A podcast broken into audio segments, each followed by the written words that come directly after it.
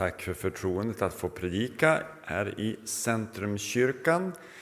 Eh, vi sjöng precis en sång om himlen och det slog mig det att det är verkligen inte det vi talar om så ofta idag och jag ska inte tala om det heller idag utan jag ska utgå från en otroligt mycket mer vardaglig och nära text som är kopplad till det som är kyrkoårets tema. Vi är mitt i, en, eh, närmare slutet nästan av en period som heter trefaldighet, efter trefaldighet och det är egentligen ett ett sjok från i början av juni hela vägen in till egentligen ja, november då, när vi har slutet på kyrkoåret, där, man, där kyrkan jobbar med alla olika saker som man tänker är grundläggande för den kristna tron. Det kan vara allt mellan himmel och jord. Och idag heter temat Ett är nödvändigt. Och vi ska gå till en bibeltext som finns i Lukas evangeliets tionde kapitel. Och fokuset är som sagt, ett är nödvändigt. Där den här texten i mötet med Jesus så utmanar Jesus de här personerna som finns i texten om att reflektera över vad är det egentligen som är det allra viktigaste av alla de goda och viktiga saker som finns. Och när vi läser den här texten som handlar om två systrar, Marta och Maria, då ska vi, kan det bara vara bra att någonstans veta att det här är verkligen att tänka att det här är ett vardagsmöte. När vi läser Bibeln och evangelierna, berättelsen om Jesus, så är det ju så att vi har ju berättelser av alla möjliga typer av slag. Och då, många av berättelserna är berättelser som är rätt eh, utanför den normala vardagen. Det är döda som uppstår, om brödunder med 5000 som mättas på tolv bröd och Nej, på eh, fem bröd och två eh, fiskar. Jag brukar alltid säga det att jag har varit fiskodlare, så det är mer välsignat att vara fiskodlare än bagare. Eller eh, ni vet alla möjliga texter som finns, som är det ena stora och förunderliga och kanske obegripliga nästan, under ett tecken och övernaturliga saker. Men så dyker den här berättelsen in. Och det här är som att landa mitt i en vardag, mitt i vardagen. Det är inget övernaturligt som händer, inga konstigheter, utan Jesus kommer hem till två systrar. Och vi läser i Jesu namn från Lukas, det tionde kapitlet, 38 och 42 versen. Medan de var på väg, det är alltså lärjungarna och Jesus var på väg, gick han in i en by och en kvinna som hette Marta bjöd honom hem till sig. Hon hade en syster vid namn Maria som satt vid Herrens fötter och lyssnade till hans ord. Men Marta tänkte på allt hon hade att ordna med. Hon kom och ställde sig framför Jesus och sa Herre, bryr du dig inte om att min syster låter mig ensam ordna med allt? Säg åt henne att hjälpa till. Herren svarade henne Marta, Marta, du gör dig bekymmer och oroar dig för så mycket, fast bara en sak behövs. Maria har valt det som är bäst och ska tas och ska inte tas ifrån henne. Ja, den här familjen som vi får dyka in i består av tre, vad vi vet, tre stycken syskon. Det är Marta, Maria och så är det då en bror som heter Lazarus. Och vi, kommer och, vi kan möta de här vid flera olika tillfällen, men kanske allra främst i Johannes evangeliet. När man får möta i, i Johannes 11 så berättas det om Lazarus som dör och hur då Jesus väntar tills dess Lazarus är död för att besöka dem och kommer dit. Och det står att Jesus gråter förtvivlat över att Lazarus har dött.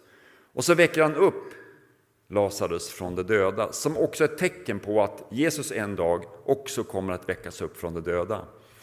Men man förstår där att Jesu relation till de här Marta och Maria, det är inte bara en slumpmässig relation, utan man förstår när man läser berättelsen om Jesus och läser det som finns om Marta, Maria och Lazarus, att det här är en familj som, som Jesus kände, det var nära vänner. Hur nära vet vi inte, vi vet bara att de betydde mycket för Jesus. Så det var inte vilka som helst som Jesus dyker in i huset den här gången, utan det är nära vänner till Jesus. Man kan ju, här kan man ju brodera ut och tänka att det kanske var barndomsvänner eller kompisar eller ja, någonstans har de lärt känna varandra.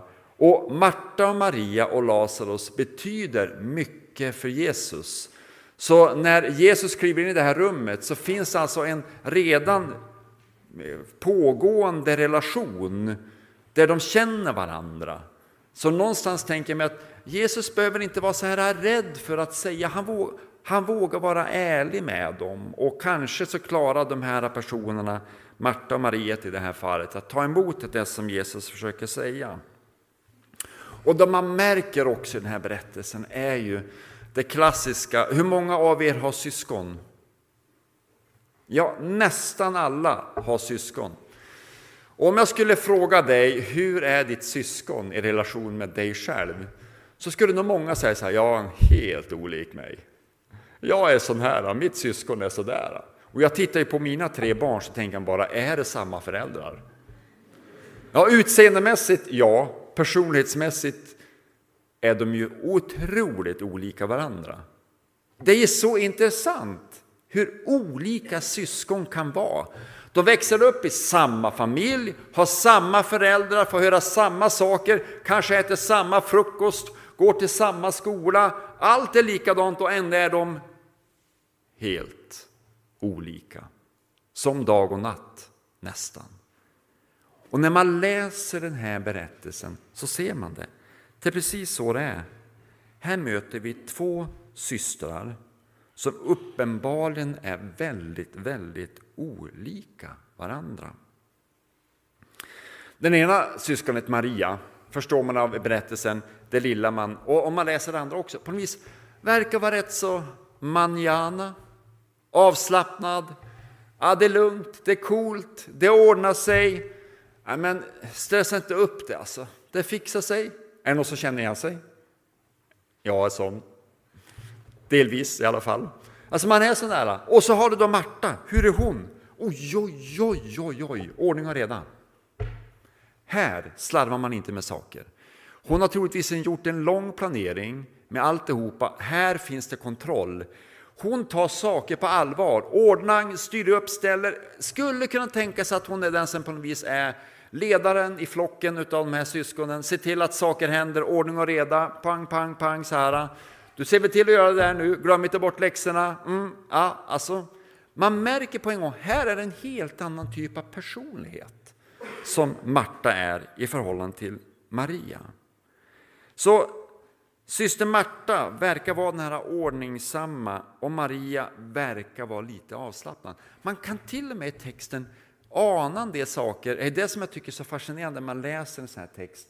Flera saker kan man få reda på bara i förbigående om man tänker, om man tittar på texten. Det ena är att man, man, man får reda på att alla är på väg, lärjungarna och Jesus är på väg till den här byn, till, på väg på vandringen. Då står det, då gick han in i en by. Alltså, då lämnar Jesus lärjungarna av någon anledning. Och jag tänker, men varför lämnar han bara dem? Det står inte varför han gör det, han bara lämnar dem. Och någonstans tänker man sig, han vet att Marta och Maria finns där, så han vill gå och hälsa på dem, tänker jag. Det står ju inte i texten, men jag börjar ju på att tänka så här, hur kan det vara? Jag tror att han lämnar lärjungarna och säger, ni kan gå vidare, jag kommer lite sen, jag har lite kompisar jag ska hälsa på. Det blir för många, vi kan inte dyka in alla 72 stycken, utan jag kommer ensam dit in och hälsa på dem. Tänker man, han säger ungefär så. Det står ju inte. Och sen står det lite senare så här, eh, eh, Marta bjöd honom hem till sig. Alltså inte hem till, till hon och systern. Och det kan man tänka också, är det faktiskt så att det är Martas hus? Ja men du vet, hon är den som har ordnat, hon har sett till att få fram det här huset. Hon är den drivande personen. Jag tänker mig, det kanske är så. Det är hennes hus och så får syskonen bo där på något vis. Men det är hon som har sett till att det här huset finns. Ja, det uppenbara är så här att när man läser den här berättelsen är Marta inte den som sitter ner, utan hon är den som springer runt. Och här uppstår den här spänningen som också gör berättelsen så intressant och som gör också att berättelsen finns för oss att läsa idag. Den finns för att den ska lära oss någonting och ge oss perspektiv. Och Marta då, det är viktigt också att säga så att de här två personerna är ju båda överlåtna troende. Det är inte så att den ena är inte troende, den andra är inte troende. Båda är troende om man säger så, båda är kristna. Man, man tänker sig att Jesus är inte vem som helst. Och så att när vi läser den här idag så tänker man, ska inte man tänka kristen, inte kristen, man tänker det här är för oss kristna. Både Marta och Maria är kristna i, i vårt perspektiv, vårt tänkande idag. Men det man då ser är ju att Marta, hon springer runt och hon försöker få till alltihopa, få allting att fungera. Och uppenbart blir det frustrerande, irriterande för Marta att se hur denna lilla syrra Maria bara sitter där och inte tar ansvar. Alltså man kan ju bli så frustrerad. Att man inte fattar att nu har vi Jesus i huset, vi har främmande. Då kan ju inte du sitta ner där. Kom igen nu, du vet att du måste fixa med allt det här och du gör ingenting. Kan ni ana frustrationen? Känner ni det? Det är en viss spänning i texten. Ja. Har ni inte märkt det, då får ni gå hem och läsa texten själva och fundera över det här. Så det finns den här spänningen. Och det som händer då är det som är så intressant. Att Marta då går fram till Jesus och säger åt Jesus, kan du säga till Maria att hon måste hjälpa till och inte bara sitta där och hänga och slöa, inte ta ansvar. Hon måste skärpa sig, förstå sin plats, eller vad man nu vill säga. Men det Jesus säger till Marta är att hon är så upptagen.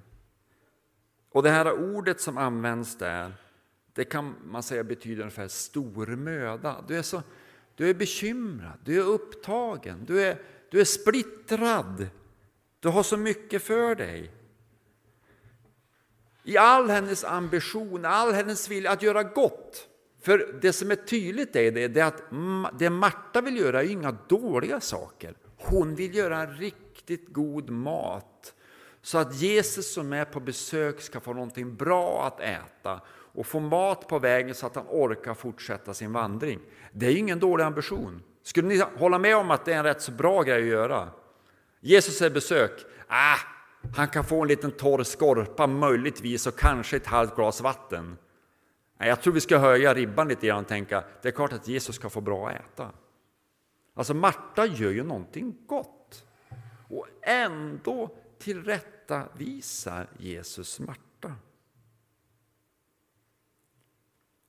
Och det Jesus säger också här, han säger Marta, Marta. Han upprepar namnet Marta två gånger. Och det där är typiskt i Bibeln, att när någonting sägs två gånger, det är som en markering på att det här är viktigt. Lyssna noga. Det här är en stor grej. så. Och ofta är det så att det är kopplat till känslor. När Jesus säger Jerusalem, Jerusalem, så, är det, då gråter han över det han ser, vad som kommer att hända med Jerusalem. Eller Min Gud, min Gud, varför har du övergivit mig? När han är där vid korset och hänger där, eller han är på väg och ska, ska, ska dö på korset, då upprepar han så två gånger, min Gud, min Gud, varför har du övergivit mig? Alltså i de svåra, när det är allvarligt på riktigt, då säger man saker två gånger för att tala om att det här är på riktigt. Så någonstans är det som man säger till Marta, lyssna noga. Lyssna noga på det jag ska säga dig nu. Varför, Marta, är du så distraherad? säger han. Och man kan ju tänka, men hon är ju fokuserad. Hon vet ju precis vad hon ska göra. Hon ska ju fixa bästa maten till Jesus. Hon är väl inte distraherad, hon är ju fokuserad, tror jag hon skulle tänka. Medan Jesus säger, nej men du är distraherad. Du har fel fokus. Du är fokuserad på det som inte är det viktigaste av alla viktiga grejer. Och hennes fokus eller felfokus leder till några saker som är intressanta att uppmärksamma. Det ena är att hon blir väldigt självupptagen. Bryr du dig inte om mig? att min syster har lämnat mig ensam och sköta allt. Det är så synd om mig. Ser ni det? Hon blir ganska självupptagen. Det är jättesynd om mig. Jag får slita i köket och hon gör ingenting. Det är inget snällt. Jesus. Typ. Den känslan. Va? Det andra är, det som kommer av det här. Jesus, säg åt henne att hjälpa till. Hon kommer till och med att börja kommendera Jesus vad Jesus ska göra. Så hon tillrättavisar Jesus och säger, Jesus du måste säga åt Maria att det hon gör är fel. Hon ska inte sitta där vid dina fötter. Hon ska vara med mig ute i köket och hjälpa till så du får en bra middag. Punkt. Säg åt henne vad hon ska göra. Det ska man säga är lite kaxigt i vårt perspektiv, att säga åt Jesus vad han ska göra. Alltså, den här drivkraften hos hjärta, den här viljan att göra egentligen gott, gör också att någonstans så blir Jesus ett redskap för Marta så att Marta får som hon vill. För hon är så fokuserad på att få och göra det som är hennes fokus. Så hon till och med vill utnyttja Jesus för sig själv, att få som hon vill, som hon tycker att det ska vara, det som hon tycker är viktigt. Och den yttersta konsekvensen av det är när Jesus då säger att Marta, du verkar oroa dig för så många saker. Alltså det som händer hos Marta med allt det här är den här oron som sätter i sig henne. Och då ska man inse det, att det Maria gör är ju någonting helt olämpligt vid den här tiden.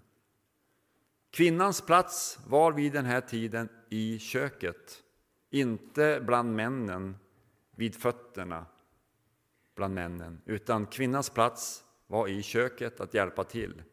Men det Maria gör är att hon bryter sociala konventioner och går emot det som är vad den grundläggande sociala principen är, därför att hon tyckte att det allra bästa hon kunde göra, det var att sitta vid Jesu fötter. Och att sitta vid Jesu fötter, det är egentligen allt som står att den är lagt under hans fötter. Ni kan läsa Bibeln återkommer det här med att om någonting är vid någons fötter så är det på något vis man är under någons, man har ställt sig under någons auktoritet. Okej? Okay? Så det, det, Maria väljer att göra är att ställa sig under Jesu auktoritet, att ställa sig vid den enda, i vilka det var i den här samlingen, i det här köket, den enda som hade auktoritet att egentligen skicka ut henne. Vid den foten satte sig Maria. Därför att hon ville lyssna på vad Jesus sa. För hon tänkte, finns det någonting viktigare?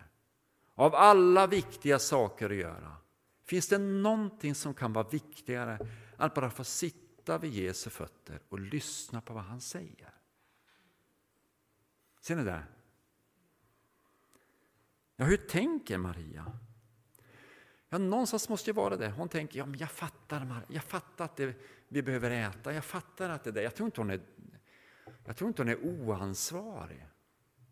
Jag tror bara det att i hennes prioriteringsordning så finns det bara en främsta prioritering. Det är att vara vid Jesus, vid hans fötter. Allt annat är inte oväsentligt, det är inte oviktigt, men det är inte lika viktigt. Det är inte lika viktigt. Och hon gör det valet, trots att alla runt omkring säkert tittar på henne och funderar på hur kan du sätta det där? Men Jesus säger att Maria har valt den goda delen. Alltså det bästa, den godaste. Och jag tänker, när han säger det så säger han ju också att Marta inte har valt något dåligt. hon har också valt någonting gott. Så det Marta gör är ju ingenting dåligt. Men han säger att Maria har valt den goda delen det bästa och det allra bästa du kan göra som är kristen, det är att sitta vid Jesu fötter. Okej? Okay? Och jag tänker med Marta. Hon är den här äh, som de 20 procent i församlingen som gör 80 procent av allt arbete. Ni vet, alla de som ställer upp och gör så gott. Och det är ju så fantastiskt. Och de behövs. Vad vore församlingen utan dem? Och jag säger bara återigen, Jesus säger inte att det hon gör är någonting dåligt, Marta. Men det han säger är att i hennes iver att göra allt det goda hon gör så tappar hon fokus på vad som är allra viktigast. Allt det andra kommer, tar för stor plats. Och Jag tror för en del kan det vara så att det där är verkligen bara så att man, man bara blir distraherad av allt som måste göras, av allt det viktiga som måste göras, så att man, man hinner inte med att sitta vid Jesu fötter. För en del kan det ju också vara så att man är en prestationsmänniska och bekräftelsen kommer av det jag gör. Så därför kanske det för en del kan vara så att det inte bara handlar om att, att man inte hinner med, utan man tänker någonstans är det så att om jag gör det här, då kommer Gud älska mig. Då kommer jag vara uppskattad och då har jag en plats, då är jag betydelsefull och då är jag viktig. Och då gör man det. Så man gör det, en del gör det av ren så att säga, längtan efter att få känna att man har en plats som är betydelsefull. Och det är inget dåligt i det, det är fullt mänskligt att man känner så. Och det finns en berättelse, en av liknelserna i Lukas 15 om de förlorade sönerna som sätter lite finger på det också. Då den ena sonen skulle kunna då i det här fallet vara lite Maria då. Ah, manjana, jag vill ut och festa, parta, drar iväg, slösar bort alla pengarna, och till slut så återvänder till Fadern och Fadern, jag tror att ni alla nästan kan den här berättelsen, det är väl en av de mest kända liknelserna. Han kommer tillbaka och det som händer är att istället för att pappan blir jättearg så omsluter han sonen och slaktar gödkalven och ger honom fina kläder och säger tänk han har varit förlorad men han kommer tillbaka. Men den sonen som är hemma blir så upprörd och tänker vad är det som händer? Är det fest här? Och får reda på att yngre sonen som bara har farit iväg och inte brytt sig och tagit ansvar medan han har varit hemma och gjort allt det som fadern har sagt att han ska göra. Han går till fadern och säger, här har jag gjort allt jag kan. Jag har tjänat dig alla de här åren, aldrig överträtt något av dina brud och mig har du aldrig ens gett en killing att festa på med mina vänner. Men när han kommer hem, din son som har levt upp sin egendom, då slaktar du gödkalven. Och så säger Jesus till honom, men allt mitt är ditt. Du finns här hela tiden. Så bilden på den andra sonen, den hemmavarande sonen, är lite grann en Marta-bild. En bild på en sån som ser till att göra allting rätt, men någonstans ändå mitt i det förlorar fokuset på vad som är viktigast. Allting, allting, allting börjar vid Jesu fötter. Okej? Okay? Allt. Det är kärnan i den kristna tron. Det är att alltid komma ihåg att är det någonstans jag behöver prioritera så är det att vara vid Jesu fötter. Och nu är det ju så här att idag har inte vi några fötter att sätta oss vid fysiskt som Maria hade. Alltså, vad är Jesu fötter idag? Och det Maria gör är ju att han lyssnar, hon lyssnar på Jesu ord. Och därför tänker jag att det där är en bild till oss idag, att påminna oss om att aldrig förlora ordet, Bibeln, som någonting vi behöver ha som en puls, som en grund i våra liv. Där kan vi möta honom. Där får han tala in i våra liv. Där får han utmana oss och uppmuntra oss. Maria vände sig till ordet, till Jesus. Hon stannade upp med allt det goda som behövde göras. Allt det goda. Och så valde hon det bästa. Så jag tänker mig så här, äh, vad utmanar den här texten oss idag? Först och främst tänker jag mig, om du känner igen dig i den här Marta-bilden, bli inte för nedslagen. Om du är en Marta, du, det är inget dåligt du gör. Alltså, du är uppskattad. Det du gör är så betydelsefullt. Sluta inte göra det. Sluta inte göra det. Vi behöver alla vara en Marta. Men vi behöver alla först och främst vara en Maria. En som inte glömmer bort att sitta vid Jesu fötter och lyssna till det han har att säga. Det är det allra viktigaste. Och det är därför jag tror att den här berättelsen finns här. En vardagsberättelse mitt i livet, när blöjor ska bytas, när mat ska lagas, när det ska diskas, när läxor ska göras, när telefonen ringer, när gräset ska klippas, när man ska gå på ett styrelsemöte i kyrkan, när man ska planera det. Ja, ni vet allt som rymmer en vardag. Då är det som att Gud vill klämta in i vårt liv med den här berättelsen. Glöm inte vad som är allra viktigast. Mitt i allt det viktiga som behöver göras. Glöm inte det. Välj det bästa. Glöm inte det bästa och allra viktigaste. Att vara vid Jesu fötter. Ska vi be.